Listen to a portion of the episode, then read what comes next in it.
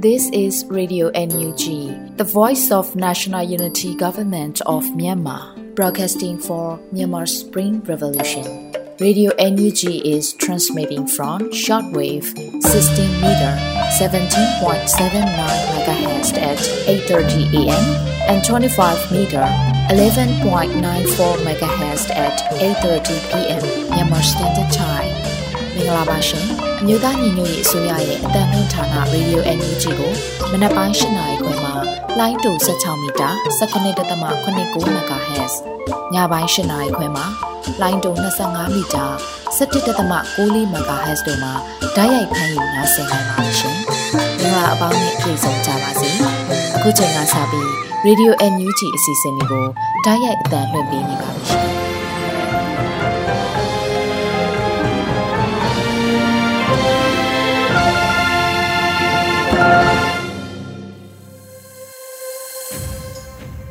Radio NUG သောတာရှင်အပေါင်းနဲ့မြန်မာနိုင်ငံသူနိုင်ငံသားအားလုံးတဘာဝပြီးဆရာနာရှင်ပေရုကနေကင်းဝေးပြီးကိုစိတ်နှပြချမ်းမာချမ်းသာလို့ဘေးကင်းလုံခြုံကြပါစေလို့ Radio NUG ဝိုင်းတော်သားတွေကဆုတောင်းမြတ်တာပို့သလိုက်ရပါတယ်ရှင်။ဒီကနေ့2023ခုနှစ်ဇူလိုင်လ26ရက်နေ့မနက်ခင်း Radio NUG အစီအစဉ်လေးကိုစတင်ထုတ်လွှင့်ပြီးတော့မှာဖြစ်ပါတယ်။ပထမအဦးဆုံးအနေနဲ့ကာကွယ်ရေးဝန်ကြီးဌာနရဲ့စီးရေးသတင်းအကျဉ်းချုပ်ကိုတော့ဟင်းကိုကိုကဖတ်ကြားတင်ပြပေးပါမယ်ရှင်။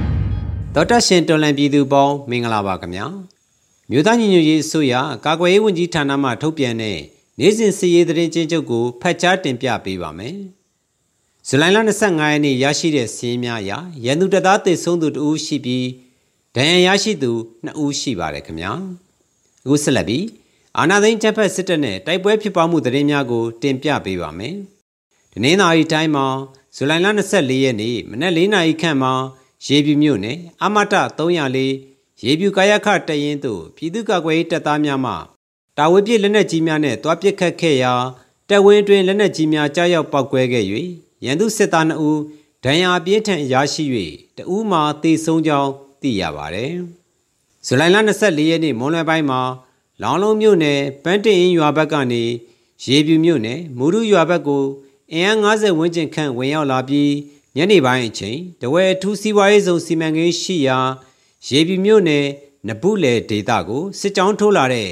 ရန်သူတပ်နဲ့ပြည်သူ့ကာကွယ်ရေးတပ်များနှစ်ဖက်ပစ်ခတ်မှုဖြစ်ပွားခဲ့ပါတယ်။ပစ်ခတ်မှုဖြစ်ပွားပြီးနောက်ရန်သူတပ်မှဒေသခံချုပ်ကိုဖမ်းဆီးထားခဲ့ပါတယ်။ဇူလိုင်လ25ရက်မနက်ပိုင်းမှာရန်သူတပ်သားအင်အား30ကျော်အနောက်မူဒူဘုံကြီးကျောင်းတွင်ရှိနေကြောင်းသိရပါတယ်ခင်ဗျာ။ခုဆက်လက်ပြီး အာနာသိန်းကျပ်ဖက်စစ်တပ်ကျူးလွန်သောရာဇဝတ်မှုများကို တင်ပြပေးပါမယ်။ရှမ်းပြည်နယ်မှာဇူလိုင်လ23ရက်နေ့နေ့လယ်2နာရီခန့်မှာညောင်ရှိမြို့နယ်မြောက်တောင်ဗိုလ်ကြီးကျေးရွာအုပ်စုရေပယ်ထက်ရွာအနီးမှာတောင်လေးလုံးရွာဘက်မှမောင်းနှင်လာသောကားနှစ်စီးနောက်သို့ရန်သူကားကနောက်မှလိုက်လံပြီးပစ်ခတ်ရာတအူးထိမှန်သေဆုံးပြီးနှစ်ဦးလွတ်မြောက်ကြောင်းသတင်းရရှိပါရခင်ဗျာ။စကိုင်းတိုင်းမှာ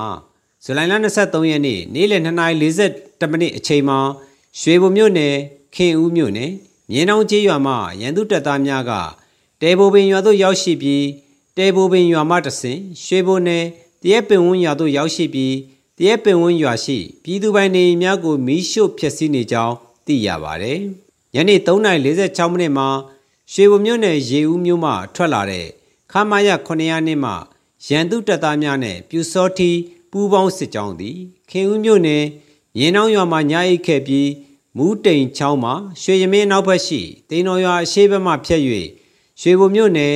တရဲပင်ဝင်းရွာကိုမီးရှို့နေကြောင်းသိရပါတယ်။ညနေ4:55မိနစ်အချိန်မှာရွှေဘုံမြို့နယ်တရဲပင်ဝင်းရွာရှိစံဆက်သို့ရောက်ရှိနေတဲ့ရန်သူတပ်သားများကစံဆက်နီးရှိပြည်သူပိုင်ဆိုင်ကယ်များကိုကွင်းမြင်သို့ထုတ်၍မီးရှို့နေကြောင်းသိရပါတယ်။ညနေ9:25မိနစ်အချိန်မှာ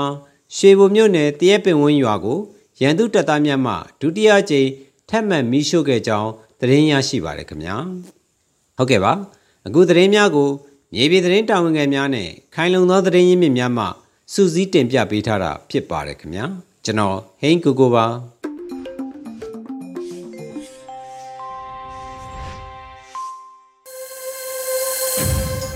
အခုဆက်လက်ပြီးပြည်ရင်းသတင်းများကိုတော့ຫນွေဦးမွန်ကဖတ်ကြားတင်ပြပေးမှာဖြစ်ပါတယ်ရှင်။ မင်္ဂလာမနက်ခင်းပါရှင်2023ခုနှစ်ဇူလိုင်လ26ရက်နေ့ Radio NUG ပြည်တွင်းသတင်းတွေကိုတင်ပြပေးသွားမှာဖြစ်ပါတယ်ကျွန်မကတော့ຫນွေဦးမော်ပါကြက်ငွေပေါ်အမိသဟဲမပြုတ်တဲ့ဗန်နာရေးစနစ်မျိုးကိုစနစ်တကျတိဆောက်ပေးရလိမ့်မယ်လို့ယာယီသမရပြောကြားတဲ့အကြောင်းအရာကိုဥစွာတင်ပြပေးချင်ပါတယ် ဇူလိုင်25ရက်ကျင်းပတဲ့မြို့သားညီညွတ်ရေးအစိုးရ25ကြိမ်မြောက်အစိုးရအဖွဲ့အစည်းအဝေးမှာယာယီသမရဒူဝါလက်ရှိလာကကြက်ငွေပေါ်အမိသဟဲမပြုတ်တဲ့ဗန်နာရေးစနစ်မျိုးကိုစနစ်တကျတိဆောက်ပေးရလိမ့်မယ်လို့ပြောပါတယ်တကယ်တော့လူလူဟာကြက်ငွေပေါ်မိခိုအားထားနေရပါတယ်ဒါကြောင့်လူလူလုံအားတွေကိုကြက်ငွေမတည်ငြိမ်မှုကဖျက်ဆီးလိုက်တယ်လို့မျိုးမဖြစ်အောင်ကျွန်တော်တို့ဘက်ကခင်မီဗန်နာရေးမဟာဗျူဟာတွေနဲ့အကာအကွယ်ပြုပေးဖို့လိုပါတယ်။အဲ့ဒီလိုအကာအကွယ်ပြုနိုင်မှုအတွက် ခုလက်ရှိနှွေဦးဖွံ့ဖြိုးရေးဘဏ်ကတည်ဆောက်နေတဲ့ဗဏ္ဍာရေးစနစ်ပေါ်ကိုလူလူယုံကြည်မှုပုံမရလာဖို့လိုအပ်ပါတယ်ဒီလိုလုပ်နိုင်မှုအတွက်နိုင်ငံရေးအရာလဲကျွန်တော်တို့ကစီယုံလှုံ့ဆော်ဖို့လိုသလိုလက်တွေ့အကျိုးခံစား권ကိုတည်တည်တသာပြနိုင်အောင်လဲစူးစမ်းရပါလိမ့်မယ်လူလူဟာသူတို့အကျိုးစီးပွားကိုကာကွယ်ဆောင်ရှောက်ပေးသူကိုသာယုံကြည်စွာအနှံလေးရှိပါတယ်ဒါကြောင့်လူလူရဲ့လုံအားတံမိုးတွေကိုလေထဲမှာအလိုအလျောက်ဆုံးရှုံးတာမျိုးမဖြစ်စေဖို့ကြက်ငွေအပေါ်အမိသဟဲမပြုတဲ့ဗဏ္ဍာရေးစနစ်မျိုးကိုကျွန်တော်တို့အနေနဲ့ စနစ်တကျတိစောက်ပေးရပါလိမ့်မယ်လို့ဆိုပါတယ်။ဒါအပြင်ခေအမြင်ခေအတွေးခေါ်တဲ့ digital နည်းပညာတွေကိုသုံးစွဲနိုင်မှုပိုပြီးမြင့်လာရင်ခေရဲ့အားသာချက်ကိုကောင်းကောင်းအသုံးချကင်တွယ်နိုင်တဲ့ခေါင်းဆောင်မှုအရေးသွေးရှိဖို့အရေးကိုလည်းယာယီသမရကပြောကြားပါတယ်ရှင်။ပြည်ထောင်စုဝန်ကြီးဒေါက်တာဝင်းမြတ်အေးနဲ့လူလူတွေ့ဆုံပွဲ American Washington DC မှာကျင်းပမယ်ဆိုတဲ့အကြောင်းအရာကိုဆက်လက်တင်ပြပေးပါမယ်။ပြည်ထောင်စုဝန်ကြီးဒေါက်တာဝင်းမြတ်အေးနဲ့လူလူတွေ့ဆုံပွဲကိုဇူလိုင်30ရက်မှာ American Washington DC area မှာကျင်းပသွားမှာဖြစ်ပြီးတော့တော်လိုင်းအင်အားစုများတက်ကြွစွာလာရောက်ပူးပေါင်းပါဝင်ရန်ဖိတ်ကြားထားပါတယ်။ပြည်ထောင်စုဝန်ကြီးဒေါက်တာဝင်းမြတ်အေးဟာ American ပြည်ထောင်စုကိုအလုပ်သဘောခီးစဉ်ဖြစ်ရောက်ရှိနေပြီးလူလူတွေ့ဆုံပွဲများကိုဇက်တိုက်တက်ရောက်လျက်ရှိပါတယ်။လက်ရှိမှာပြည်ထောင်စုဝန်ကြီးဒေါက်တာဇော်ဝေဆိုပါအမေရိကန်ခီးစဉ်မှာရောက်ရှိနေပြီးအမေရိကန်သံတမန်ရေးရာတိုင်ဝမ်အပြင်တာဝန်ရှိသူတို့နဲ့ပါတွေ့ဆုံဆွေးနွေးခဲ့ပါတယ်ရှင်။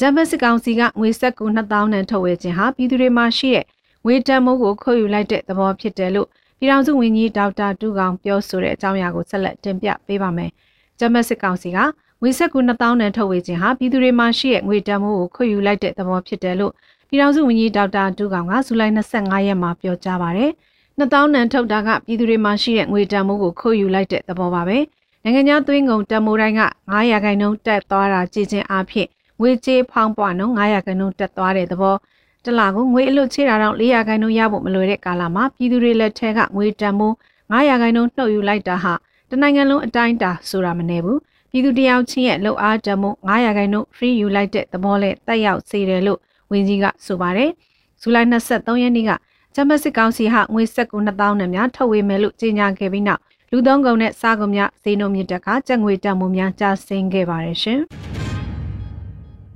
မြို့သားညီညွတ်ရေးအစိုးရပြည်ထောင်နဲ့လူဝင်မှုကြီးကြပ်ရေးဝန်ကြီးဌာနပြည်သူ့ရဲတပ်ဖွဲ့နဲ့စကိုင်းမကွေးပြည်သူ့လုံခြုံရေးအဖွဲ့များတွေ့ဆုံဆွေးနွေးပွဲကျင်းပတဲ့အကြောင်းအရာကိုတင်ပြပေးပါမယ်။မြို့သားညီညွတ်ရေးအစိုးရပြည်ထောင်နဲ့လူဝင်မှုကြီးကြပ်ရေးဝန်ကြီးဌာနပြည်သူ့ရဲတပ်ဖွဲ့နဲ့စကိုင်းမကွေပြည်သူ့လုံခြုံရေးအဖွဲ့များတွေ့ဆုံဆွေးနွေးပွဲအမှတ်စဉ်30မြင်းဆောင်2023အားဇူလိုင်25ရက်ကကျင်းပခဲ့ပါတယ်။စီဝေး၌ပြည်ထောင်ရေးနှင့်လူဝင်မှုကြီးကြပ်ရေးဝန်ကြီးဌာနတွဲဘက်အတွင်းမှအဖွဲ့မှစကားပြောကြားခဲ့ပါတယ်။ ဆက်လက်ပြီးပြည်သူ့ရဲတပ်ဖွဲ့ရဲချုပ်မှနှုတ်ခွန်းဆက်စကားပြောကြားခဲ့ပြီးတရောက်လာသည့်ပြည်သူ့လုံခြုံရေးဖွဲ့ကောင်းဆောင်များမှလုံခြုံရေးနှင့်တရားဥပဒေစိုးမိုးရေးဆောင်ရွက်နေမှုများဥပဒေဆိုင်ရာသိရှိလိုသည့်အချက်များမြေပြင်အခြေအနေအခက်အခဲများအားတင်ပြဆွေးနွေးခဲ့ရာတွဲဘက်အတွင်းတွင်ပြည်သူ့ရဲတပ်ဖွဲ့ရဲချုပ်နဲ့သက်ဆိုင်ရာဌာနကြီးမှုများမှဆွေးနွေးတင်ပြချက်များကိုရှင်းလင်းပြောကြားခြင်းနဲ့လိုအပ်ချက်များအားညှိနှိုင်းဖြည့်ဆည်းပေးခြင်းတို့ကိုပြုလုပ်ခဲ့ပါတယ်။စီဝေးတို့အမျိုးသားညီညွတ်ရေးအစိုးရ ပြည်ထောင်နဲ့လူဝင်မှုကြီးကြပ်ရေးဝန်ကြီးဌာနတွဲဘက်အတွင်းဝင်ပြည်သူ့ရဲတပ်ဖွဲ့ရဲချုပ်နဲ့ရရှိကြီးများနဲ့စကိုင်းမကွေးပြည်သူ့လုံခြုံရေးအဖွဲ့မှခေါင်းဆောင်များတက်ရောက်ခဲ့ကြပါတယ်ရှင်။မတ်တိစစ်ဒေသစကိုင်းတိုင်းမကွေးတိုင်းမန္တလေးတိုင်းရှမ်းပြည်နယ်မြောက်ပိုင်းတို့တွင်ဇွန်လအတွင်းတိုက်ပွဲပေါင်း384ကြိမ်ဖြစ်ပွားခဲ့ပြီးရန်သူ418ဦးသေဆုံးခဲ့တဲ့တဲ့ရင်ကိုဆက်လက်တင်ပြပေးပါမယ်။မတ်တစ်စစ်ဒေသစကိုင်းတိုင်းမကွေးတိုင်းမန္တလေးတိုင်းရှမ်းပြည်နယ်မြောက်ပိုင်းတို့မှာဇွန်လအတွင်းတိုက်ပွဲပေါင်း 384ကြိမ်ဖြစ်ပွားခဲ့ပြီးရန်သူ418ဦးသေဆုံးခဲ့တယ်လို့ဇူလိုင်25ရက်မှာကာကွယ်ဝင်ကြီးဌာနကအသိပေးဖော်ပြပါဗျ။မတ်တစ်စစ်ဒေသစကိုင်းတိုင်းမကွေးတိုင်းမန္တလေးတိုင်းရှမ်းပြည်နယ်မြောက်ပိုင်းတို့မှာ2023ခုနှစ်ဇွန်လအတွင်းတိုက်ပွဲပေါင်း384ကြိမ်ဖြစ်ပွားခဲ့ပြီးရန်သူ418ဦးသေဆုံး၍929ဦးထိခိုက်ဒဏ်ရာရရှိခဲ့ပါတယ်။မိမိတို့ရဲဘော်48ဦးတော်လှန်ရေးအတွက်တပ်ပေးလူခဲ့ရပြီး 143ဦးထိခိုက်ဒဏ်ရာရရှိခဲ့ပါတယ်လို့ဆိုပါတယ်။ရန်သူထံမှလက်နက်မျိုးစုံ48လက်နဲ့ drone 25စီးပါဝင်ခရမိကြအများများသိမ်းဆည်းရမိခဲ့ပြီးတိုက်ပွဲများကိုမှတ်တစ်စီဒေတာကိုကဲမှုအောက်ရှိ PDF ပါကာဖနဲ့ EAOS ပူးပေါင်းတပ်ဖွဲ့များကဆင်နွှဲခဲ့ခြင်းဖြစ်ကြောင်းသိရပါတယ်ရှင်။ရှမ်းပြည်နယ်မွန်ဆက်နတ်အွန်ရွာရဲနဲ့ဇေဒီကုန်းပေါ်ဂျမ်ဘတ်စစ်တပ်ကလေရင်နဲ့ပစ်ခတ်၍ရဲသားတအုပ်လေရင်ကြီးထိမှန်သေးဆုံးတဲ့တရင်ကိုလည်းတင်ပြပေးကြပါမယ်။ ရှမ်းပြည်နယ်မွန်ဆက်နတ်အွန်ရွာရဲနဲ့ဇေဒီကုန်းပေါ်ဂျမ်ဘတ်စစ်တပ်ကလေရင်နဲ့ပစ်ခတ်တာကြောင့်ရဲသားတအုပ်လေရင်ကြီးထိမှန်သေးဆုံးခဲ့တယ်လို့ဇူလိုင်25ရက်မှာရှမ်းပြည်နယ်ရှိဒေါ်လင်းအင်အားစုကအတည်ပြုဆိုထားပါတယ်။စစ်ကောင်စီကလေရင်ဖြင့်နမ်အွန်ရွာရဲနဲ့ဇေဒီကုန်းပေါ်လက်နက်ကြီးလက်နက်ငယ်များနဲ့ပစ်ခတ်သွားတာကြောင့်ပြစ်မဲ့ရွာသားတဦးလေးရင်ကြီး TP ပွဲချင်းပြီးသေဆုံးသွားခဲ့ပါတယ်လို့ဆိုပါတယ်။2023ခုနှစ်ပထမ၄လပတ်အတွင်း မြို့နယ်ပေါင်း56ခုထက်မနည်းမှာလေကြောင်းတိုက်ခိုက်ခံရမှု442ကြိမ်ထက်မနည်းရှိခဲ့ပါတယ်။ဒီကာလတွင်ဖြစ်ခဲ့တဲ့တိုက်ပွဲတွေနဲ့လေကြောင်းတိုက်ခိုက်မှုတွေအတွင်းမှာအရက်သား693ထက်မနည်းသေဆုံးခဲ့ရပါတယ်ရှင်။စစ်ကောင်စီရဲ့ပဲခူးတိုင်းဆိုရယုံနဲ့အထွေထွေအုပ်ချုပ်ရေးရုံးဝင်အား M79 ဖြင့်ပြစ်ခတ်တိုက်ခိုက်တဲ့တဲ့ရင်ကိုလည်းတင်ပြပေးကြပါမယ်။ဇူလိုင်24ရက်ည9:15မိနစ်အချိန်ခန့်တွင်စစ်ကောင်စီရဲ့ပဲခူးတိုင်းအစိုးရရုံးနဲ့အထွေထွေအုပ်ချုပ်ရေးရုံးဝန်ကို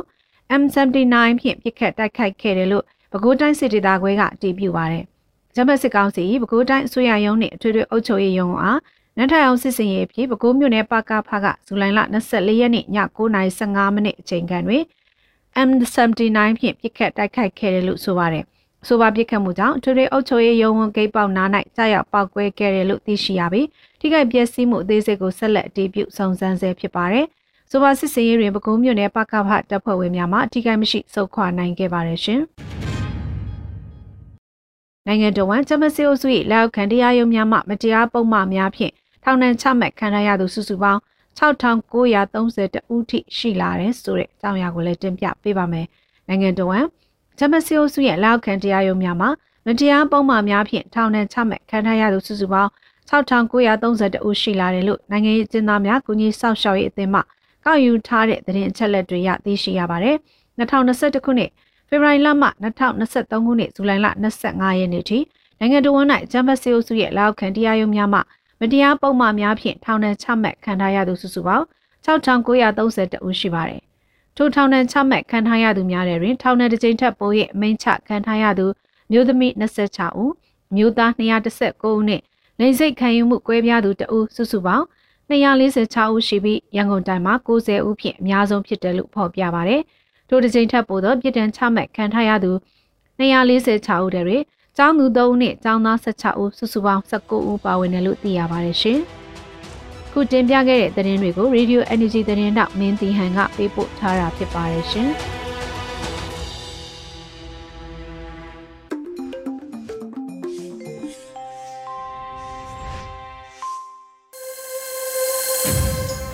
တော်ရရှင်များရှင်အခုဆက်လက်ပြီးတော်လန်ရေးကြပြကဏ္ဍမှာတော့ဆလိုင်းစုံရေးဖွဲ့ထားပြီးနှွေဦးမှုရွတ်ဆိုထားတဲ့အောက်ချင်းငှက်များလို့အမည်ရတဲ့တော်လန်ရေးကြပြကိုထုတ်လွှင့်ပေးလိုက်ပါရရှင်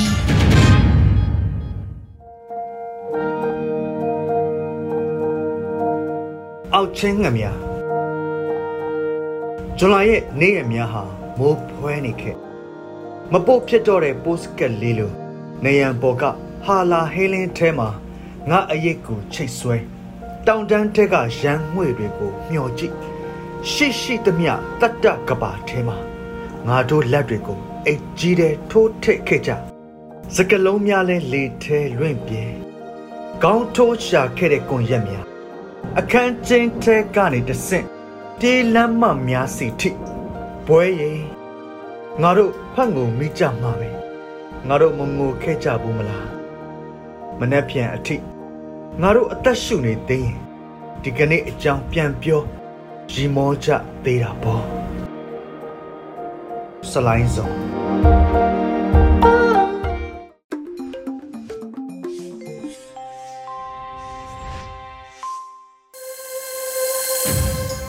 Radio NUG မှာဆက်လက်အသံလွှင့်နေပါတယ်ရှင်။ Telegram မှာကျမ်းမာရေးပညာပေးအစီအစဉ်မှာတော့ဒေါက်တာစီဗာကိုတင်ဆက်ထားတဲ့စင်တုတ်ကွေးချီကန်ကန်ညာယောဂအကြောင်းကိုနားဆင်ကြရမှာပဲဖြစ်ပါတယ်ရှင်။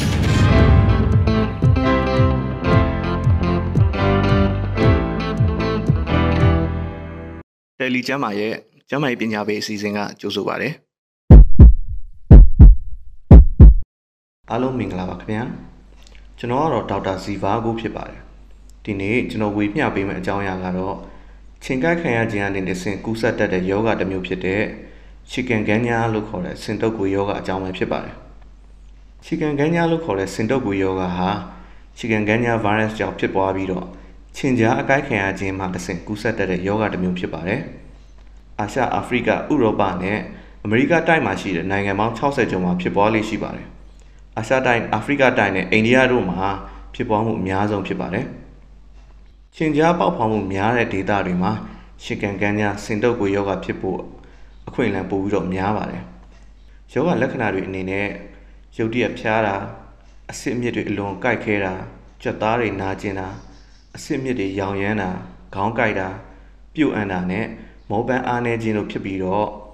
အရေပြားပေါ်မှာအနီဇက်တွေအနီကွက်တွေ ထွက်တာကိုလည်းတွေ့ရလိမ့်ရှိပါတယ်။ယောဂတည်ဆောင်တဲ့ခြင်ကြား Aedes ခြင်ပေါ့နော်ခြင်ကြားဆိုတော့ Aedes ခြင်ကိုက်ခံရပြီးနောက်၄ရက်ကနေ၈ရက်အတွင်းမှာဒါမှမဟုတ်2ရက်ကနေ12ရက်အတွင်းမှာယောဂလက္ခဏာတွေစတင်ဖြစ်ပေါ်လေရှိပါတယ်။ဖြစ်တော့ဖြစ်ခဲ့အနေနဲ့မျက်စိအာရုံကြောနဲ့နှလုံးတို့နဲ့ပတ်သက်တဲ့ယောဂလက္ခဏာများလည်းခံစားရတတ်ပါတယ်။ခြေခံကန်းညာစင်တုပ်ကိုယောဂရဲ့လက္ခဏာတွေကခြင်ကြားအကိုက်ခံရခြင်းကနေတဆင့်ကူးတဲ့ တခြားယောဂတွေဖြစ်တဲ့သွေးလုံတက်ကွေယောဂနဲ့ဇီကာယောဂလက္ခဏာတွေနဲ့လည်းဆင်တူပြီးတော့တခါတလေမှားယွင်းနိုင်ပါတယ်။ယောဂဖြစ်ပေါ်သူအများစုမှာယောဂလက္ခဏာပြင်းထန်လေးမရှိဘဲတပတ်အတွင်းမှာယောဂလက္ခဏာတွေအားလုံးတက်တာပြောက်ကင်းလေးရှိပါတယ်။ဒါပေမဲ့တချို့လူတွေမှာအဆစ်မြစ်တွေနာကျင်ကြိုက်ခဲခြင်းကိုလဒါမှမဟုတ်လို့ရှိရင်နှစ်ချီပြီးတော့ခံစားရတတ်တာတွေ့ရပါတယ်။အသက်အရွယ်ကြီးတဲ့လူတွေသွေးတိုးယောဂဆီကျိုယောဂနဲ့နှလုံးယောဂစရှိတဲ့နာတာရှိယောဂအခန့်ရှိတဲ့လူတွေမှာ ကူးစက်ခံရလို့ရှိလို့ရှိရင်ယောဂပုံပုံပြင်းထန်နိုင်ပါတယ်။ယောဂဖြစ်ပွားတဲ့လူတွေအနေနဲ့လည်းနောက်တစ်ချိန်ကူးစက်ဖြစ်ပွားခြင်းအတွက်ကိုယ်ခံအားရရှိနေမှာဖြစ်ပါတယ်။ယောဂကူးစက်ပုံအနေနဲ့ချင်းကန်ကန်ညာစင်တုပ်ကိုယောဂဟာယောဂပိုးတည်ဆောင်လာတဲ့ချင်းကြားကိုက်ခြင်းကနေကူးစက်ဖြစ်ပွားတတ်ပါတယ်။ချင်းကြားဟာအလုံးသိတဲ့အတိုင်းရေကြည်ရေသန့်မှာပေါက်ဖွားတက်ပေါက်ဖွားလေးရှိပါတယ်။ချင်းကြားဟာနေအိမ်တွေမှာရှိတဲ့ပန်းအိုးတွေရေတူလောင်ထားတဲ့ရေစီတွေတိုင်ကီတွေအုတ်ကန်တွေနဲ့အိုးခွက်တွေ ဥပမာမိုးရေဝင်နိုင်တဲ့ဘူးခွန်တွေခွက်တွေတာယာဟောင်းတွေနောက်ဒီဝလုံးကောင်းလေးတွေတစ်ခေါင်းပေါက်တွေနဲ့ကြောက်ခွက်လေးတွေမှာမိုးရေဝင်ပြီးတော့အဲ့ဒီချင်းကြားပေါက်ဖော်လေးရှိပါတယ်ချင်းကြားဥကနေတဆင်ချင်းကြားလောက်လန်းအဲ့ဒီကနေတဆင်အရွယ်ရောက်တဲ့ချင်းကြားဖြစ်လာတာပါချင်းကြားဟာနေ့အချိန်မှာကိုက်လေးရှိပြီးတော့မနက်အစောပိုင်းနဲ့နေဝင်ခါနီးအချိန်တွေမှာအများဆုံးကိုက်လေးရှိပါတယ်ဆိုတော့ကယောဂကာကွယ်ရေးနည်းလမ်းတွေအနေနဲ့ကျွန်တော်တို့ ဘာတွေလုပ်မလဲပေါ့နော်ချင်းကန်ကန်ညာစင်တုပ်ကွေးယောဂဖြစ်တယ်လို့တန်တရားရှိလို့ရှိရင်တော့နီးစပ်ကျမ်းမာရေးဌာနကိုသွားပြီးစနစ်တကျစစ်ဆေးစမ်းသပ်ပြီးကုသမှုခံယူရမှာဖြစ်ပါတယ်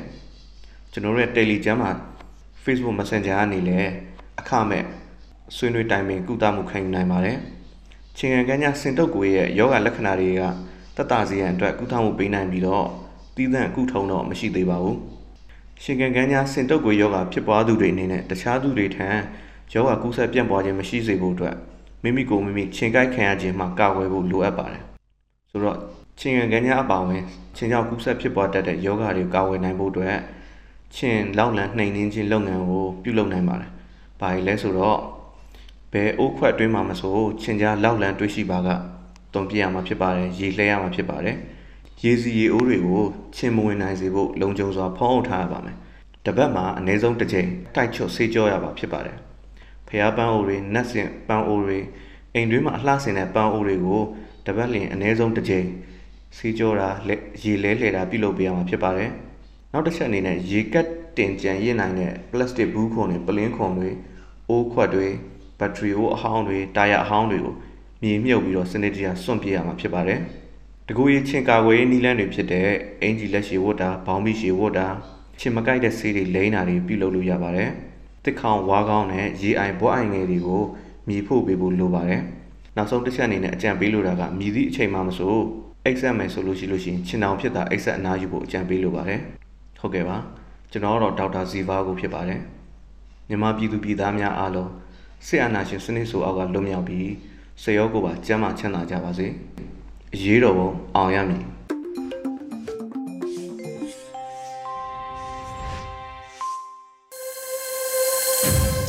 ရေဒီယိုအန်ယူဂျီကိုနာတော်တာဆင်နေကြတဲ့ပရိသတ်ပေါင်းတို့ရှင်တော်လိုင်းတေဂီတာအစီအစဉ်မှာတော့ BYN Media Production A Media Team ကစီစဉ်တင်ဆက်ထားတဲ့တမိုင်းအသစ်မှာပန်ထရာဘရင်မာလို့အမည်ရတဲ့တော်လိုင်းတေးသချင်းကိုနားဆင်ကြရမှာပဲဖြစ်ပါတယ်ရှင်။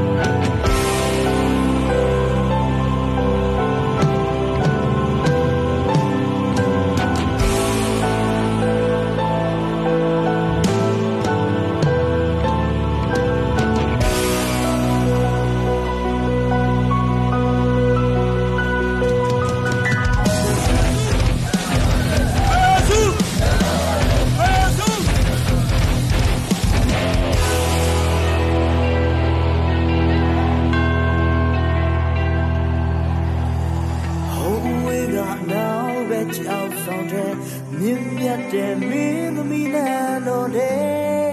အလားဆုံးပန်းကင်းမွေရတဲ့အလားဆုံးအိမ်မက်မက်ပါပြီရက်ဆက်တဲ့အရာတိုင်းဆုံးတပ်ပွဲဒါထက်မှသွေးလဲရဲနေပြီနဆုကားရဲ့ထားရတဲ့အတူတိုင်းပွင့်တွဲခဲ့တဲ့အတွက်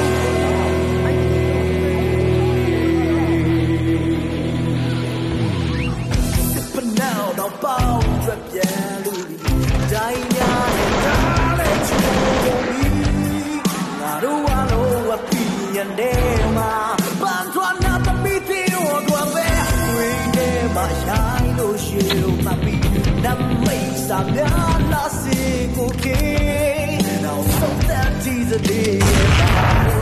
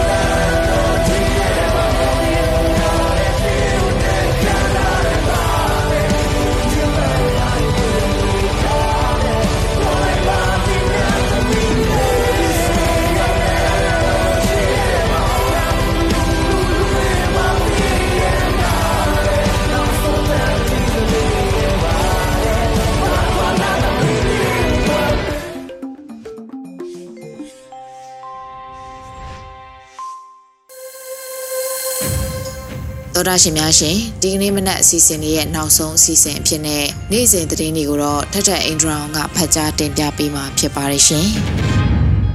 KNL တပ်မဟာ6နေမြေမှာနှစ်ရက်တာတိုက်ပွဲတွင်အကြမ်းဖက်စစ်တပ်ဘက်က12ဦးသေဆုံးပြီးတက်ခွဲမှုတအုပ်အပါအဝင်၄ဦးဒဏ်ရာရတယ်ဆိုတဲ့သတင်းပဲဖြစ်ပါတယ်။ ကင်းမြို့သားလက်မြောက်ရေးတပ်မတော် KNLA တပ်မဟာ6နေမြေမှာနှစ်ရက်တာတိုက်ပွဲတွင်အကြမ်းဖက်စစ်တပ်ဘက်က12ဦးသေဆုံးပြီးတော့တက်ခွဲမှုတအုပ်အပါအဝင်၄ဦးဒဏ်ရာရရှိခဲ့တယ်လို့ KNU ဗဟိုကထုတ်ပြန်ပါတယ်။ KNLA တရင်29တက်ခွဲ၄တရင်ရုံးအဖွဲ့နဲ့အကြမ်းဖက်စစ်ကောင်စီတပ်တရင်အမှတ်စုံစမ်းဆဲတို့ကြောင့်ဇူလိုင်လ22ရက်နေ့ညနေ6နာရီခွဲမှာ KNU ဒူပလယာခရိုင်ဝရင်းမြို့နယ် ဝဲဝွန်ကြီးရွာအနီးမှာနှစ်ဖက်ထိတွေ့ပစ်ခတ်မှုဖြစ်ပွားခဲ့ပါတယ်။အဲ့ဒီတိုက်ပွဲမှာအကြမ်းဖက်စစ်ကောင်စီတပ်ဘက်ကတအူးတေဆုံးပြီးတော့တအူးဒဏ်ရာရကတော်လိုင်းရဲဘော်တွေမိသူမထိခိုက်ကြဆုံးခြင်းမရှိခဲ့ဘူးလို့သိရပါတယ်။အလားတူဇူလိုင်လ23ရက်ည6နာရီခွဲမှာဝဲဝွန်ကြီးရွာအနီးမှာနှစ်ဖက်ထိတွေ့ပစ်ခတ်မှုထပ်မံဖြစ်ပွားခဲ့ပါတယ်။အဲ့ဒီပြစ်ခတ်မှုအတွင်းမှာတော့အကြမ်းဖက်စစ်ကောင်စီတပ်ဘက်က၄ဦးသေဆုံးပြီးတဦးဒဏ်ရာရက အဲ့ဒီဒဏ်ရာရရှိသူဟာတက်ခွဲမှုဝင်းမင်းခိုင်ဖြစ်ကြောင်းခြေနှံသတင်းအရသိရှိရပါတယ်။တိုက်ပွဲအတွင်းတော်လှန်ရေးရဲဘော်တဦးလဲဒဏ်ရာရရှိကနှစ်ဦးဟာတိုင်းပြည်တဲ့လူမျိုးအတွက်မြင့်မြတ်စွာအသက်ပေးလှူသွားခဲ့ကြပြီးတော့လက်နက်နှစ်လက်ဆုံးရှုံးခဲ့ရတယ်လို့ထုတ်ပြန်ချက်မှာဖော်ပြထားပါတယ်။ ဒါ့အပြင်ဇူလိုင်လ23ရက်နေ့မနက်ပိုင်းကတန်ဖြူစရဲကရေးမြို့ကိုပြန်လာတဲ့စစ်ကောင်စီက3စီးကို KNL တရဲ29ပူပေါင်းတပ်ဖွဲ့တို့က KNU ဒူပလယာခရိုင်ဝင်းရဲမြို့နယ်ပျော်တာယာရွာနီမှာကြားပြတ်တိုက်ခိုက်ခဲ့ရာအကြမ်းဖက်စစ်ကောင်စီရဲ့ကားတစ်စီးပျက်စီးခဲ့ပြီးတော့လေးဦးသေဆုံးကနှစ်ဦးဒဏ်ရာရရှိကြောင်းကျေနပ်သတင်းအရသိရှိရပါတယ်။ အဲ့ဒီညနေတနာရီ43မိနစ်အချိန်မှာလဲပျော်တာယာရွာကရေးမြို့ကိုပြန်ဆင်းလာတဲ့စစ်ကောင်စီစစ်ကား၃စီးကိုလည်းပိန်းနေတော့တုတ်တန်အနီးမှာထပ်မံကြားပြတ်တိုက်ခိုက်ရာစစ်သားနောက်ထပ်2ဦးသေဆုံးခဲ့ကြောင်းသိရပါတယ်။ဒီကနေ့ကတော့ဒီညနဲ့ပဲ Radio NUG ရဲ့အစီအစဉ်လေးကိုခਿੱတရနာလိုက်ပါမယ်ရှင်။မြမစံတော်ချိန်မနက်၈နာရီခွဲနဲ့ည၈နာရီခွဲအချိန်တွေမှာပြန်လည်ဆုံတွေ့ကြပါစို့။ Radio NUG ကိုမနက်ပိုင်း၈နာရီခွဲမှာ လိုင်းတူ16မီတာ19.89 MHz ညပိုင်း8နာရီခွဲမှာလိုင်းတူ25မီတာ17.6 MHz တို့မှာဓာတ်ရိုက်ဖမ်းလို့နိုင်စေနိုင်ပါပြီ။မြန်မာနိုင်ငံသူနိုင်ငံသားတွေကိုစိတ်နှပြစမ်းမချမ်းသာလို့ဘေးကင်းလုံခြုံကြပါစေလို့ Radio NUG အဖွဲ့သူဖေသားတွေကဆုတောင်းမြတ်တာပို့တာနေပါတယ်ရှင်။မြေသားမျိုးတွေအစိုးရရဲ့စက်တော်ရင်သတင်းအချက်အလက်တွေလူပညာဝန်ကြီးဌာနကထုတ်လွှင့်နေတဲ့ Radio NUG ဖြစ်ပါတယ်။ San Francisco Bay Area အခြေစိုက်မြန်မာမိသားစုတွေနဲ့နိုင်ငံတကာကစေတနာရှင်တို့အားပေးနေတဲ့ Radio NUG ဖြစ်ပါတယ်။အရေးတော်ပုံအောင်ရမည်